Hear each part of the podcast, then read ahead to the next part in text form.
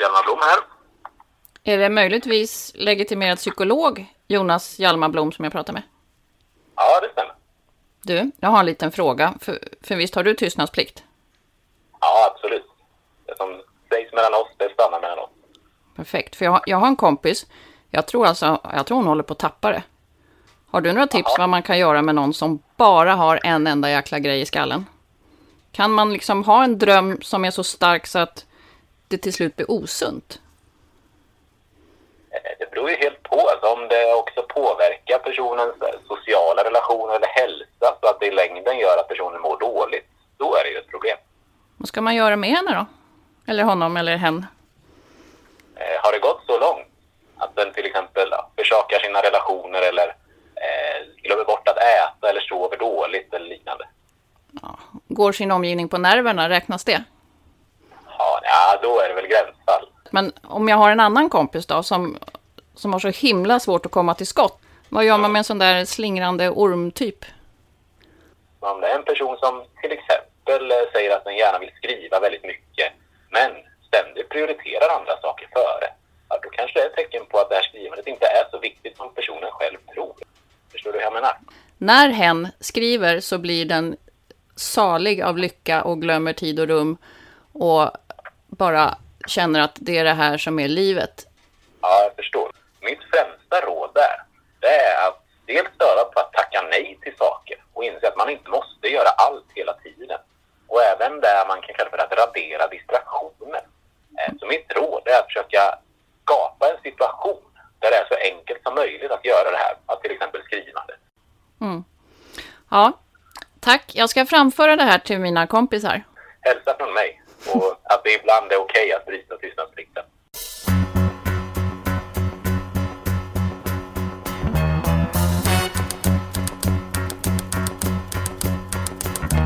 Det är jag som är Nina De är. Och det är jag som är Johanna de Valiant. Och vi tänker debutera. Eller dö. Tumble out of bed and I stumble to the kitchen. Pour myself a cup of ambition and yawn and stretch and try to come to life. Jump in the shower and the blood starts pumping. Out on the streets, the traffic starts jumping with folks like me on the job from nine to five. Working nine to five. What a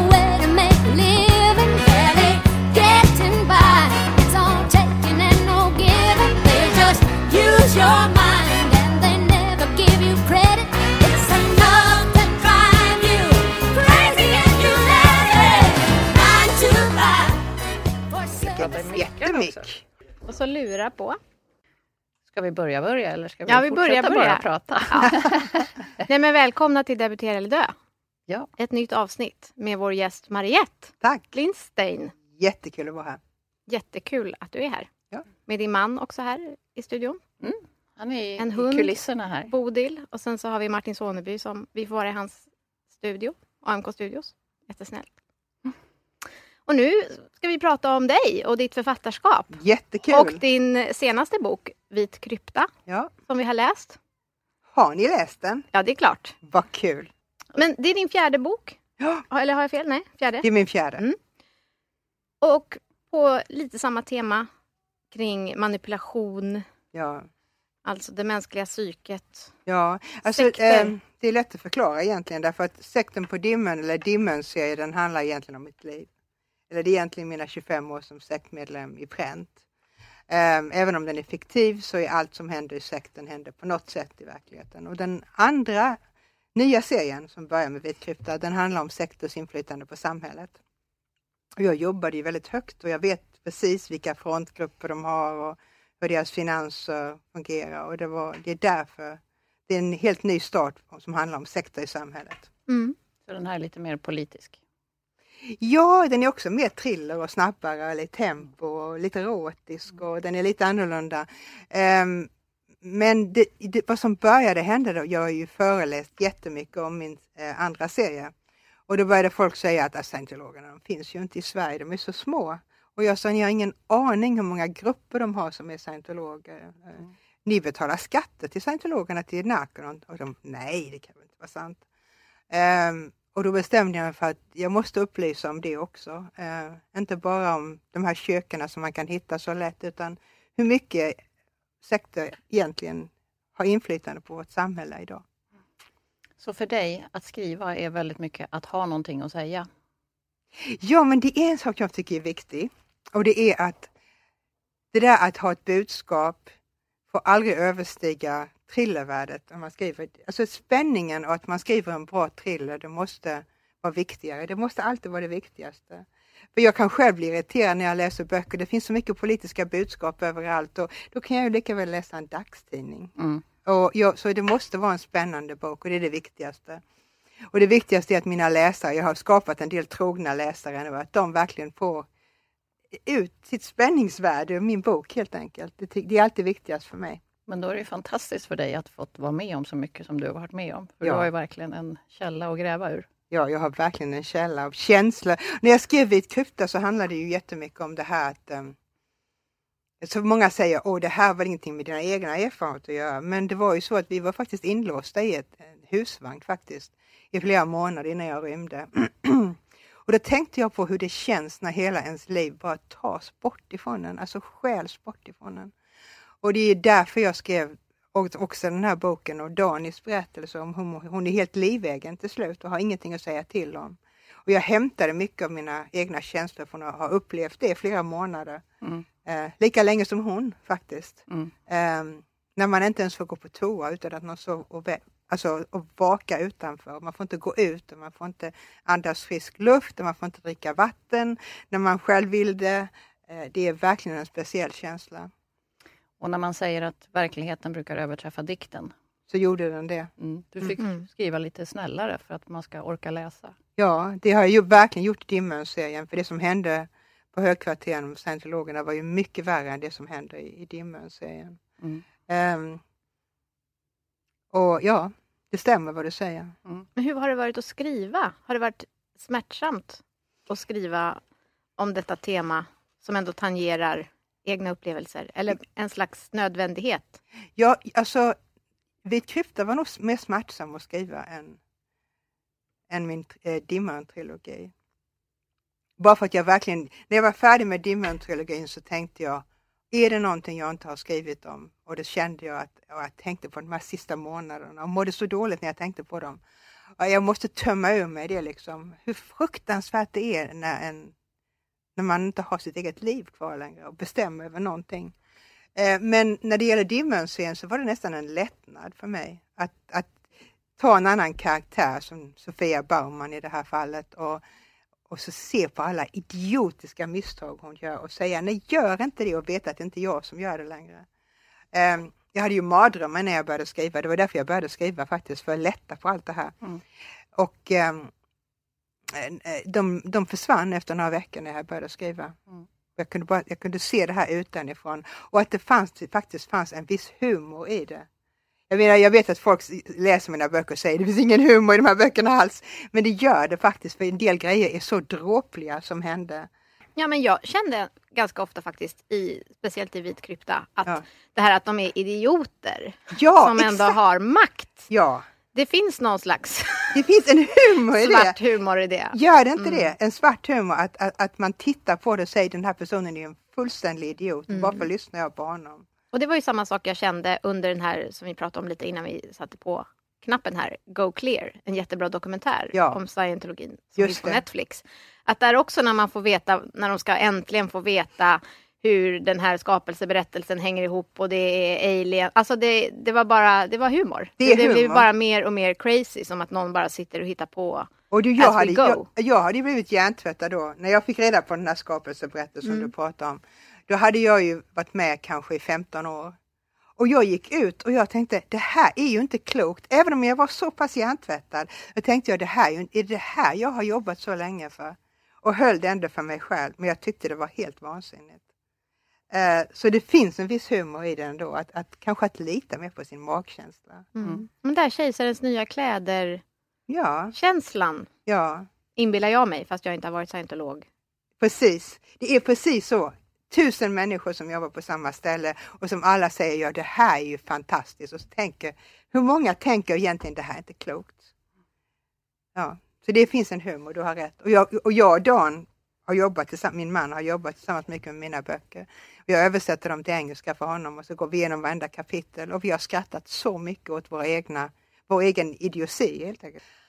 Det här med psykologin kring dupering. Men det är ju egentligen det jag skriver om. Alltså hela Dimmen handlar ju om, den här, om psykologin runt den här duperingen som, som sker med de, de här människorna på den här ön. Och, um, jag har förstått mycket mer också genom att skriva hur man, man kan inte hjärntvätta en person om man, inte tar bort inflytandet omkring personen. Och hur det gjordes mot oss väldigt systematiskt tills vi inte det enda, som, som fanns, den enda sanningen som fanns kvar det var sekten och ledaren.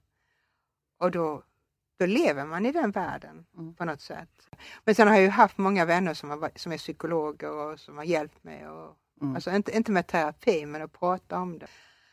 Sekten på Dimman går ju under ungdomsbok, men gör Vit krypta det också? Eh, Sekten på Dimman har ju aldrig eh, lanserats som en ungdomsbok utan det är ju mer att ungdomarna har upptäckt den till min egen förvåning. Men när jag började skriva Sekten på Dimman så tänkte jag att om, om, om alla våra läsare är 30 till 50 eller 30 till 80 då har jag inte, hur många av dem kommer gå med i sekter? Så jag skrev den väldigt enkel och du kommer att märka att det är mycket enklare språk i sekten på Dimön än mina senare böcker för att ungdomar skulle kunna läsa mm. den. um, men jag tror Vit klyfta, ja, det, är, det är väldigt kontroversiellt att prata om den på, på sätt och vis därför att det finns ju mycket erotiska inslag som mm. att Men allt som hände, att, att, anledningen till att jag skrev lite grann erotiskt i den boken, det var att jag visste redan vad som skulle hända med Dani, en av tvillingarna, i fångenskapen. Och jag visste att det skulle bli så hemskt. Och jag visste att jag var så trött själv på att bara läsa om dåligt, hems, hemska övergrepp, män som gör övergrepp mot kvinnor, män som torterar kvinnor. Och jag kände att det måste finnas en motvikt till den här mm. boken.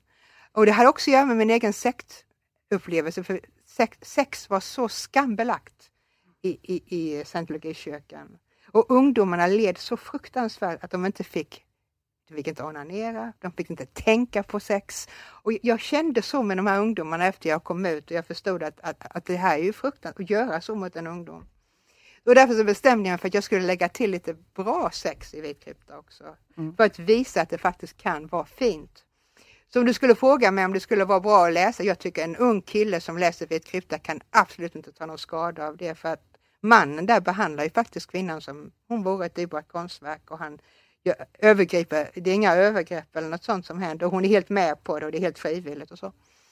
Så jag tycker inte alls att den skulle vara skadlig att ha som eh, litteratur även i skolor och som undervisning. Och att förstå mer vad som händer när man gör så mot en person. Mm. Men det är lite skräck också. Alltså jag känner speciellt de här scenerna med falken. Ja. Där var det lite sådär så här, ja, alltså, ja. Just de här fågelklorna i ryggen på... Ja. Mm. Då... Eller att de behandlar henne som ett djur, eller mm, hur? Mm. Får man inte det intrycket? Att hon jo. är livegen och de, hon är ett djur, hon är inte en kvinna. Alltså de, de, de, de förgriper sig inte på henne förrän i slutet. De bara, de bara använder henne för det här syftet. Um, jo, de, den vanligaste kommentaren jag har fått är att folk verkligen har blivit rädda, inte rädda men att, att den är spännande helt mm. enkelt. Den boken. Ja, men nu kommer ju alla ungdomar rusa och vilja läsa den här. Det är som sådana ja, alltså jag barnförbjudna filmer. jag hade en, ja, en mamma som kom in på min förra föreläsning och sa min 14-åriga dotter ska ha vit krypta. Och jag sa mm. den är lite erotisk och den är lite brutal. Hon sa det spelar ingen roll, det är inte värre än tv-spelen som hon spelar ändå. Mm. De är så våldsbejakande och, och eh, det är många unga tjejer som gillar att läsa den och det är väl helt okej. Okay. Det som verkligen händer hela tiden är att man fun måste fundera för man vill ju tänka gott om en viss person och man vill tänka ont om en annan person och sen ja. switchar ju du. Eh, men alltså budskapet är ju lite att inte, man ska inte lita på folk eh, alldeles för mycket. Mm. Eh, alltså om eh, man kan vara på ett företag och något konstigt händer, man ska ifrågasätta det och det är ju egentligen budskapet i hela den här nya serien. Det är att inte att inte lita på någon, men var försiktig med vem du litar på. Mm. Du ger ju också lite kängor till kultureliten. Ja, och det skrev jag innan kultureliten. Det var så? Det är jag väldigt stolt över, för jag skrev ett krypta för två år sedan. Mm. Och då fick jag lite mothugg eh, att ja, men kultureliten kan väl inte vara med i den här sekten. Det kan väl, det är ju helt overkligt. Jag sa, jag tycker det är otäckare, alltså affärsmän och sådana personer, de är, de är giriga men kultureliten, de här riktiga typerna, de ser ner på människor och det är otäckare än att vara girig efter pengar. Eh, inte alla i kultur, men vissa.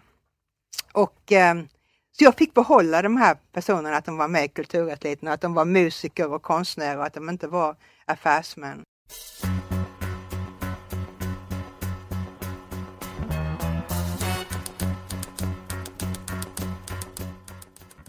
Du har ju använt väldigt mycket alla erfarenheter du har fått från att vara i sekten. Men själva rymningen, den låter ju helt hisnande hemsk. Jag kan berätta om rymningen. Ja, jättegärna. Mm. så vi hade varit inspärrade då i en husvagn länge, länge, länge. Varför var ni det? Får man fråga det? Varför? Därför att ledaren hade blivit väldigt paranoid och han trodde vi var ute efter honom och vi skulle vara där inne och begrunda våra synder eller vad han nu hade tänkt sig. Hur många är ni i den här husvagnen? Det är hela ledningen, hela topp, toppskiktet av Scientologikyrkan, eh, eller av högkvarteren. Vi var väl fe- 40 personer eller någonting. I en husvagn? Ja, vi sov under våra skrivbord i sovsäckar. Det vi måste fick- vara en ganska stor En trailer husvagn. typ? En sån En här? trailer. Ja, ja, det var det. Mm. Du är den enda personen som har sagt trailer, som vet vad det är för någonting. Mm. Bravo! Ja, Jag kan det- inte förklara det för folk här. Husvagn! Nej, det var inte en camper, det var en trailer. Mm. Nej, men precis. Mm. Mm. Och ehm, jag vill, jag, jag hade, Dan hade lyckats rymma och det var därför, delvis därför vi blev inspärrade, för Dan var väldigt viktig, min man. Vi var inte ett par då, men vi jobbade ihop. Så vi var alla inspärrade där och jag, hur ska jag, jag visste, hade vetat länge att jag ville rymma. Men då märkte jag att det var någon som blev bortskickad från högkvarteren som hade haft självmordstankar och förstod att ledaren inte ville ha polisen som snokade där.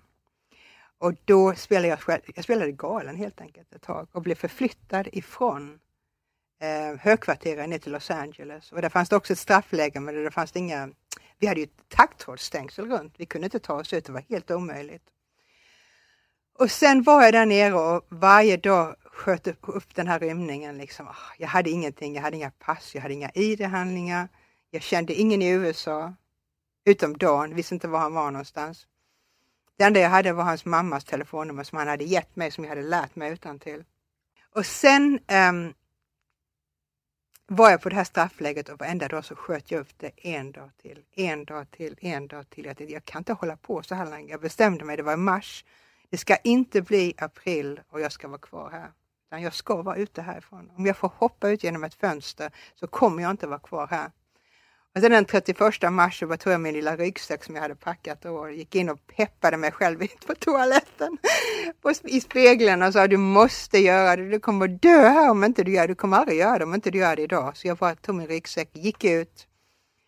Och vi jobbade eh, på en snickerifirma och eh, det fanns en stor parkeringsplats och sen fanns det en buss som gick där fram och tillbaka. Och jag hade bestämt mig för att den här bussen ska jag ta.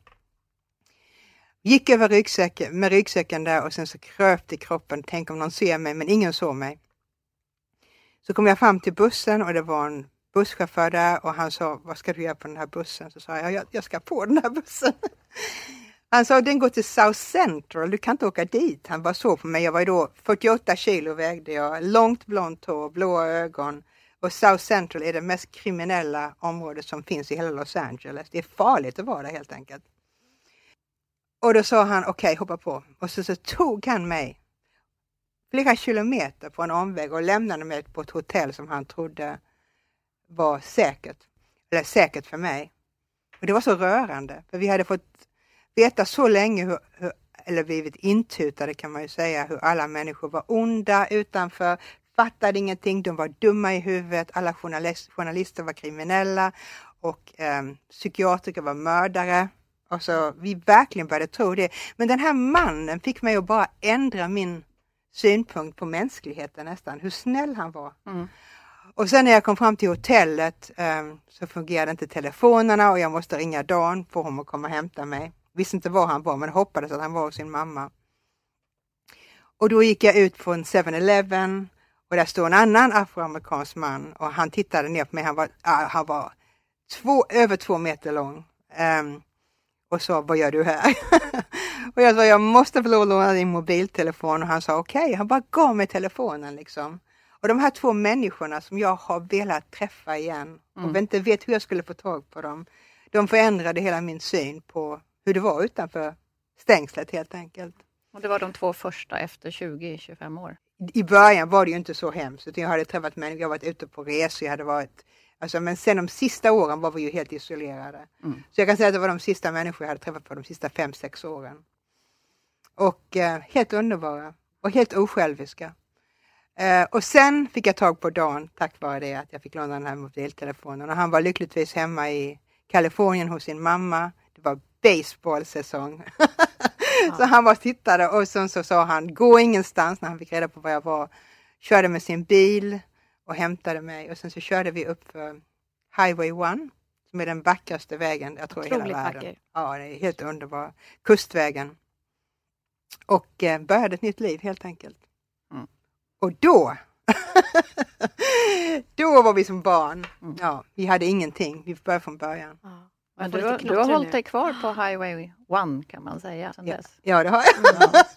och jag åker dit också varje år. Mm. Ja. Mm. Alltså inte bara metaforiskt men på riktigt. Och Det, det, det var verkligen underbart.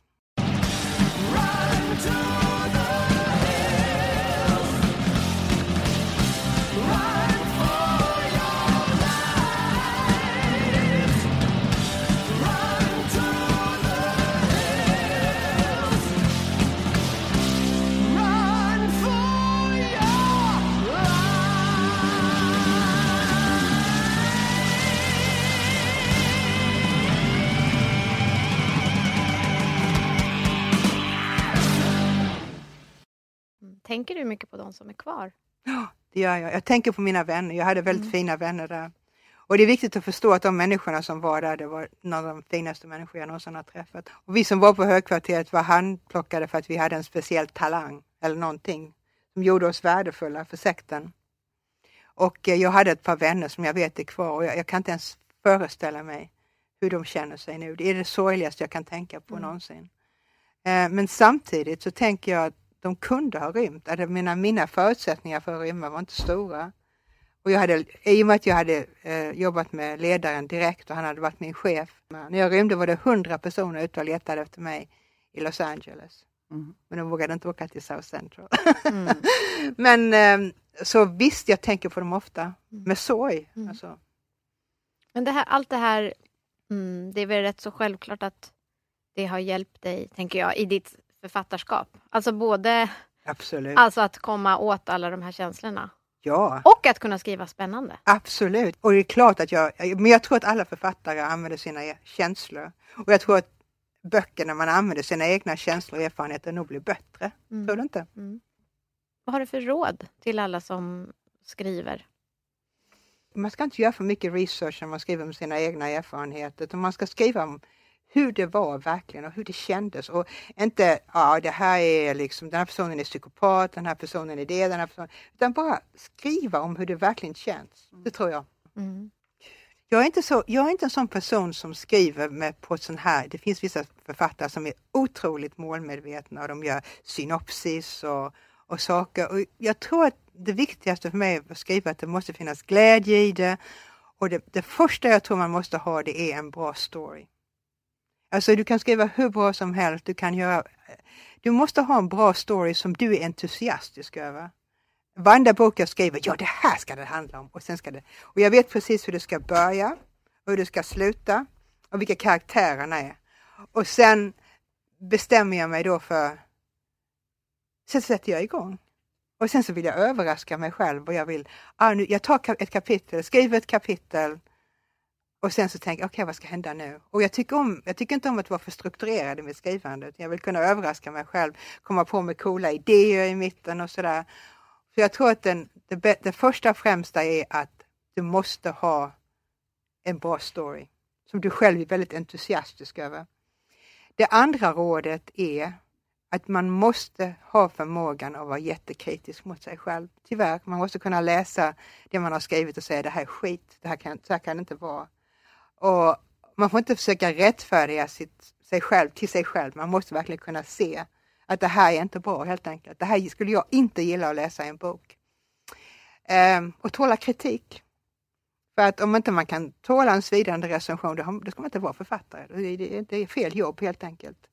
Ehm, och ibland behålla sin visshet att någonting är bra även om de säger att inte det är det och inte bara reagera på varenda kritiska kommentar man får. Och här är det ännu jobbigare kan jag tänka mig, när man har lagt in så mycket av sig själv och sitt liv, att ta kritik. Ja, men samtidigt så har jag varit med om saker som är så mycket värre än att få en dålig alltså, Jag skrattar åt en del författare som tar så illa vid sig för en dålig recension. Jag har fått hundratals bra recensioner så jag ska inte säga att kanske om min första bok hade fått en svidande recension av alla, då hade jag kanske tagit illa upp. Men, men för mig, jag har hela hemsidor upplagda i min namn som är falska av scientologerna. Och så skulle jag kunna bry mig om en kommentar från en recensent. Nej, liksom. Du, du har fått skinn på näsan kan man Ja. säga.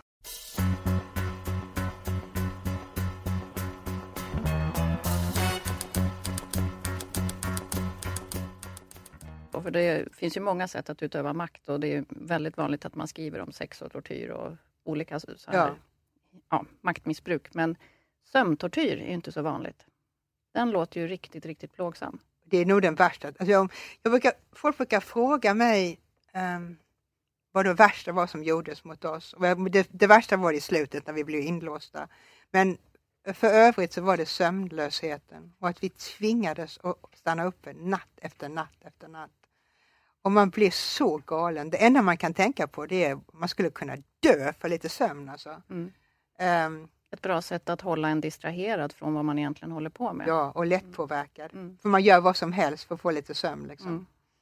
Ehm, kul att du upptäckte det i boken.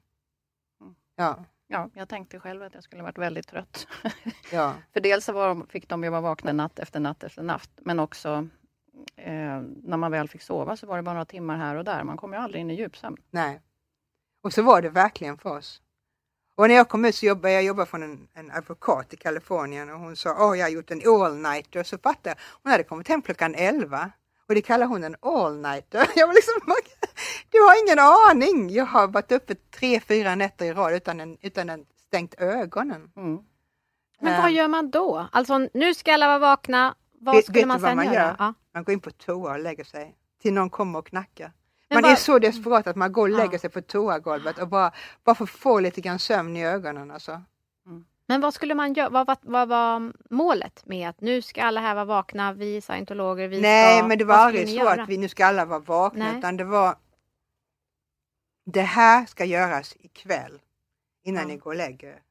Och det var något som var helt omöjligt att göra. Liksom. Och, och då kunde han då hålla oss vakna väldigt, väldigt länge med de här order som han, ja. Mm. Och vad var det för typ av arbeten då? Vi hade ju, Snickeri, sa du? jag jobbade i marknadsföring mycket, Mhm. management. Vi var ju som en stor, vi styrde ju alla de andra scientologiorganisationerna därifrån och gjorde all deras marknadsföring. Så det kunde vara vad som helst. Och många tror att vi gick omkring och bad när, när vi jobbade verkligen. Vi hade rikt- riktiga jobb. Som lite grann som i Dimmön-serien. Jag har sett något inlägg där du eh, berättade om att ibland fick ni trädgårdstjänst. Det var underbart. Kan du inte berätta om det? ja, det är jättefin berättelse faktiskt. Eh, för mig, betyder mycket för mig. Jag, eh, varje eh, lördag så var vi ute och jobbade i trädgården. Och eh, hela dagen. Och det var för att vi var ju billig arbetskraft och då behövde man inte anlita en massa trädgårdsmästare och så. Och vi, jag och min vän hade fått det här hedersuppdraget att ta hand om ledarens rosenträdgård. Och eh, vilket vi gjorde, jag och en annan eh, väninna som jobbade högt uppe i organisationen, båda två. Och vi fick inte läsa romaner. Absolut inte. Och, men vad vi gjorde då på de här lördagarna, att vi berättade böcker för varandra.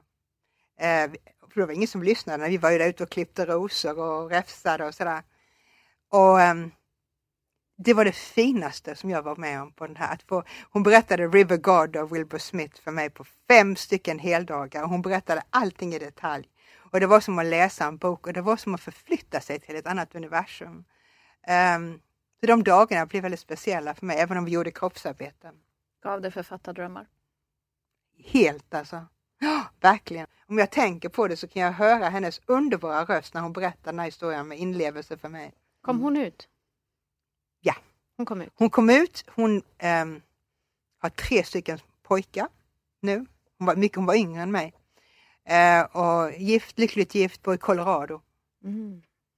Och vi har kontakt fortfarande. Och sen här, häromdagen så planterade jag, vi har ett nytt hus nu, jag har köpt hus precis, och jag planterade en rosenträdgård och så skrev jag till henne på Facebook och sa kolla, jag har en rosenträdgård, kom hit och hälsa på mig. Har du många fler berättelser i dig? ja, jag har ju börjat en ny serie eh, nu och den kommer att handla om de här olika sätten som sekter kan påverka samhället på. Andra delen har jag redan sålt i Forum. Eh, den är färdigskriven. Den heter Sprickor i jorden och den handlar om drogrehabilitering och hur man kan använda det bara för att tjäna pengar utan att bry sig om människorna som, och hur kyrkan gör det. Och sen den tredje delen som jag skriver på nu, den handlar om affärsvärlden och management och hur, egentligen hur vi styrdes i kyrkan och vad som skulle hända om kyrkan styrde världen egentligen. Och sen är den fjärde delen kommer handla om skolor och barnskolor, mm. scientologskolor, inte scientologskolor, sektskolor. Mm. Det blir bara värre och värre. men har ja. inte, med, jag, jag, man ska ju inte av, men mina mm. böcker, de har ju ändå hopp i sig. Det är ju inte så att allting är alldeles svart, eller hur? Nej. Jag skulle aldrig kunna, jag skulle aldrig kunna skriva en bok som hade ett fruktansvärt slut. Hur skulle det vara? Jag menar, vad vill man? Ingen av dem slutar ju olyckligt. Mm. Tvärtom. Och det kan man, jag tror att det har att göra med det här med deckare och spänningsromans. Att man kan sätta sig ner och läsa en bok och veta att hur hemskt det än blir så kommer det att fixa sig. Man vet ju att det kommer att fixa sig. Det kommer inte kanske bli helt ljust men det kommer att fixa sig i slutet och det tycker jag är, det är, det är en del av spänningslitteratur på något sätt. Det är någonting som, står, som du står för. Mycket, mm. ja att mina läsare känner att de kommer inte vara helt deppade och förstörda när de är färdiga att läsa min bok. Utan det kommer finnas en strimma hopp där. Mm. Ja. Är det inte bra än så är det inte slut. Står det ibland på gravstenar. Det är lite sådär. Ja, är det det? Ja, jag har svart humor men... Ja, jag har sett det. Mm. Kul. Så jag har en sån här plan, eh, men det är väldigt lös plan och jag, jag tycker inte om jag, jag, tar en bok och sen så går jag in i ett äventyr. Mm. Jag tänker inte på de framtida böckerna, jag bara ge mig in i det här äventyret. Du lever synopsisfritt. Jag lever 50 procent i den riktiga världen och 50 procent i fantasivärlden som jag skapar. Mm. Det är du värd. Mm. ja, men det är Highway One. Ja, Highway One! Ja. Gud, det är fint när du säger det. Jag åkte där faktiskt när jag var nygift med min man. Väldigt romantiskt. För mig ja. betyder den allt. Mm. Jag kan åka dit och jag kan bara uppleva den här känslan jag hade när jag, den, den första dagen. Har ni sett Blade Runner, den första versionen av den? Mm. Med, ja. Det är en scen i slutet där de åker ut, Los Angeles är ju så sumpigt och äckligt i den här filmen. Och sen den sista scenen i en av versionerna så åker de ut och så är det bara en blå himmel och så vackert. Så kändes det. Om jag hade varit inne i en sumpmark eller en riktigt uh, förorenad stad länge, länge och så bara kommit på den friska luften. Och så havet där. Ja, men vi är jätteglada att du ja, damp ner här. Ja. det var så ja, kul att, att prata med er, för ofta blir det ju att jag får prata om mitt liv, 100 procent, och väldigt lite om mitt skrivande. Ja, men tack mm. snälla Mariette Highway One Lindstein för att du kom Gud hit. vad jag tycker om att du använder det, för det är verkligen min symbol alltså. Tack så mycket, så kul det har varit att vara här. Ja, vi är jätteglada. Ja. Och lycka till och grattis. Och lycka till, till med era böcker. Ja, tack! En dag så kanske det blir. Har det inte se. hänt så är det inte över, eller vad Nej, precis. Är, har man inte debuterat så är man inte död. Det är eller sant. var det? Nej. Ja. Ni kommer att debutera. Men inte för tidigt, för vi gillar det här. Vi gillar den här podden. Tack. Ja, men det är gulligt, gulligt av dig. Ja. Okej. Okay. Tack så mycket. Tack. Hej, hej.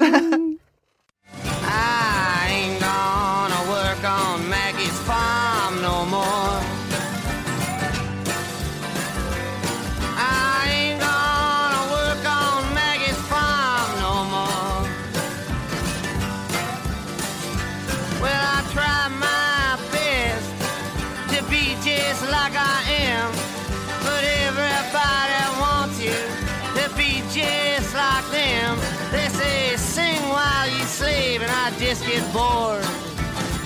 I ain't gonna work on Maggie's farm no more.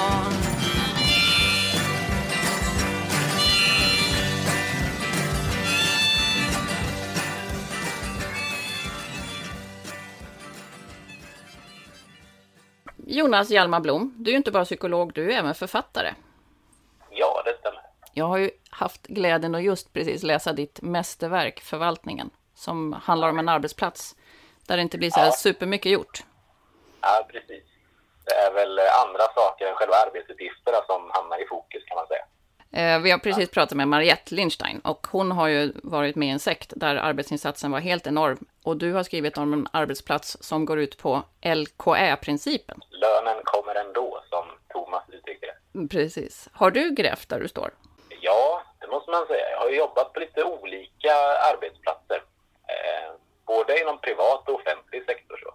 Och eh, överallt har man ju mött människor som ja, beter sig på olika sätt. Och eh, på de här olika arbetsplatserna tycker jag mig ha sett vissa mönster, liksom gemensamma nämnare hos olika personer.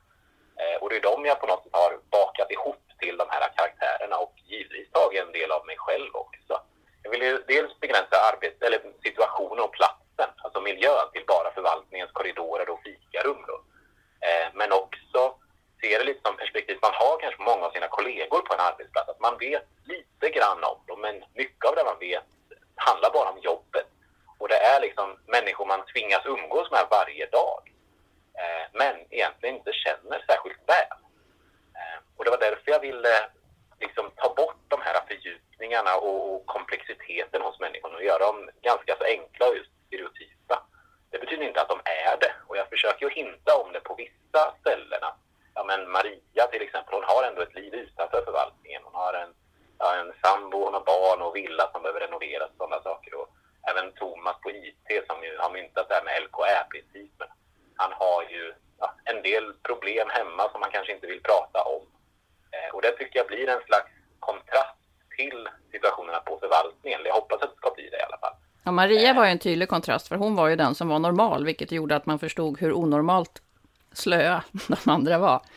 Ja, hon vill, ju, hon vill ju göra ett bra jobb i alla fall och sen så kanske hon inte uppmuntras så mycket som hon borde.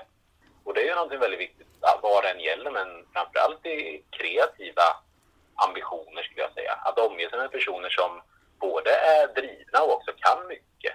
Eh, man kan ju mycket själv och har alltid något att bidra med och där man gör är då att man triggar varandra helt enkelt. Att åstadkomma lite mer än vad man kanske hade gjort på egen hand. Mm. Eh, situationen man är i påverkar ens beteenden väldigt mycket och om det är en situation som inte alls premierar initiativrikedom eller att åstadkomma saker eller att ifrågasätta saker, då faller man ju lätt in i ett mönster. Mm. Och eh, det jag försöker att visa här på förvaltningen, eller med förvaltningen som individroman heter. För ett gäng avsnitt sen så pratade vi story och då hade vi då pratade vi om hur viktigt det är att våga hålla sig till en ballong och inte försöka ha hundra ballonger i famnen för de drar bara iväg och flyger iväg. Du har bara en liten ballong och ändå har det blivit en bladvändare. Har du några tips? Ja, det som jag tänker på när det gäller det här, det är att många av oss som gillar att skriva och gillar att skapa historier, vi har liksom mycket i oss som vi vill säga. Och jag kan också uppleva att jag ibland vill säga allt i en och samma roman. Men då påminner jag om att kanske kan skriva åtminstone 10-15 romaner om jag lever normallänge. Eh, och då måste man inte säga allt i sin första roman. Mm. Så att det där lite less is more tror jag är väldigt viktigt, speciellt när man är i början av sitt författarskap. Men jag kan tro det, att man blir kanske lite bättre på att väva in fler historier, lite parallella historier, ju, ju bättre man blir som författare. Så att våga berätta bara en sak eller hålla sig till en kärna, det tror jag är väldigt viktigt. Det handlar ju om mycket här i livet, lite som vi var inne tidigare också, att man behöver välja bort vissa saker för att få till någonting riktigt bra. Jag fattar. Ja, Jonas, det var länge sedan jag läste en rolig bok som var så rolig. Så jag vill verkligen tacka för att du delade denna observation med oss. Ja, tack, det blir jag jätteglad av att höra. Nästa gång ska vi prata med två feelgood-författare. Dels Veronica Lirvarve, som har just debuterat med I huvudet på misslyckad. Och dels ska vi prata med Åsa Hellberg, som nu för tiden livnär sig på sitt författarskap. Och det blir en jättematnyttig sommarskola, inte bara för romantiker. Men eh, till dess, skriv som om det gäller livet, så hörs vi snart igen. Tusen tack Jonas! Ja, tack för att jag fick vara med.